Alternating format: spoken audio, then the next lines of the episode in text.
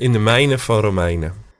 Paulus die schreef een brief die bepalend is geweest voor de loop van de wereldgeschiedenis. Een brief die ook wel de kathedraal van het christelijk geloof wordt genoemd. Een brief die erom vraagt om gelezen en herlezen te worden. Een brief waar je schatten in kan opdelven, waar je in kan graven en waar je in kan zoeken. Een brief van Paulus, speciaal voor jou.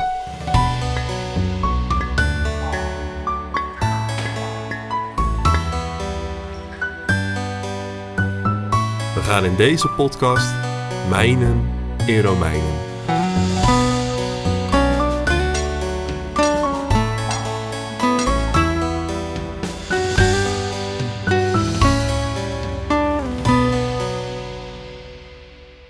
In de vorige aflevering hebben we het geloof van Paulus gezien in het herstel van Israël.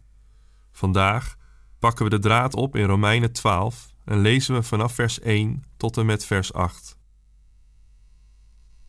Broeders en zusters, met een beroep op Gods barmhartigheid vraag ik u om uzelf als een levend, heilig en God welgevallig offer in Zijn dienst te stellen, want dat is de ware eredienst voor u. U moet uzelf niet aanpassen aan deze wereld, maar veranderen door uw gezindheid te vernieuwen, om zo te ontdekken wat God van u wil en wat goed, volmaakt en hem welgevallig is. Met een beroep op de genade die mij geschonken is, zeg ik u allen dat u zich niet hoger moet aanslaan dan u kunt verantwoorden, maar verstandig over uzelf moet denken. Denk overeenkomstig het geloof. Dat is de maatstaf die God u heeft gegeven. Zoals ons ene lichaam vele delen heeft, en die delen niet allemaal dezelfde functie hebben, zo zijn we samen één lichaam in Christus en zijn we ieder apart elkaars lichaamsdelen. We hebben verschillende gaven, onderscheiden naar de genade die ons is geschonken. Wie de gave heeft te profiteren, moet die in overeenstemming met het geloof gebruiken. Wie de gave heeft bijstand te verlenen, moet bijstand verlenen. Wie de gave heeft te onderwijzen, moet onderwijzen. Wie de gave heeft te troosten, moet troosten. Wie iets weggeeft, moet dat zonder bijbedoeling doen. Wie leiding geeft, moet dat doen met volle inzet. Wie barmhartig voor een ander is, moet daarin blijmoedig zijn.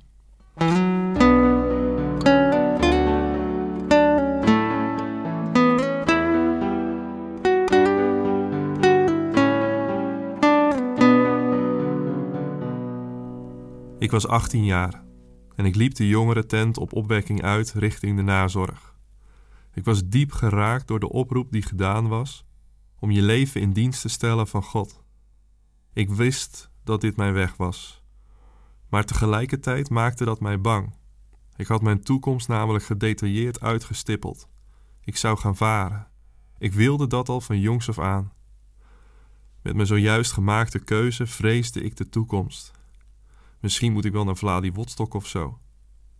Ik liep naar de nazorgtent en kwam in een hele rumoerige toestand terecht. Ik wilde eigenlijk gelijk weer naar buiten, maar een wat oudere vrouw stond opeens voor mijn neus. Heb je al iemand? vroeg ze. Ik wilde vluchten, maar ze zei: Kom dan maar even met mij mee. Ze pakte mijn hand en deed haar ogen dicht. Ze zei: Ik krijg een tekst voor je door.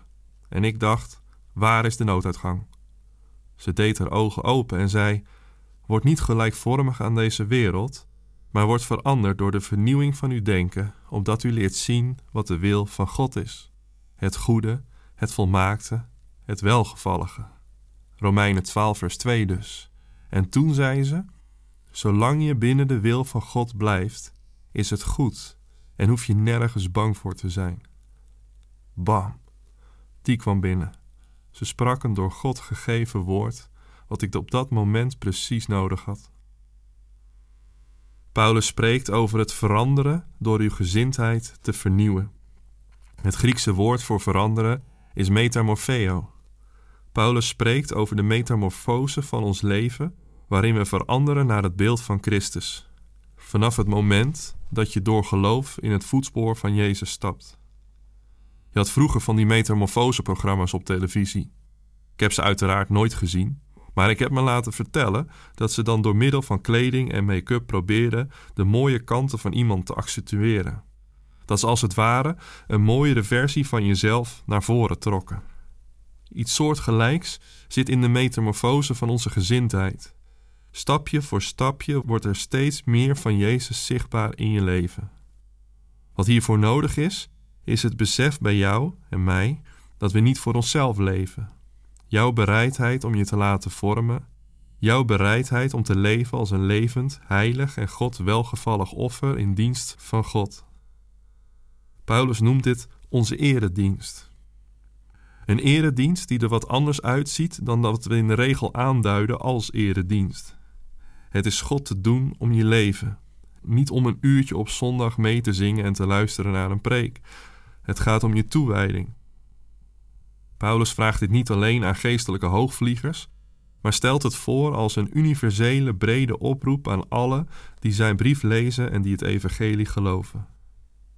Daarnaast is er de oproep tot nederigheid. In de competitieve, prestatiegerichte Romeinse samenleving roept Paulus ertoe op om jezelf niet hoger aan te slaan dan je kunt verantwoorden, om nederig de weg te gaan van je God.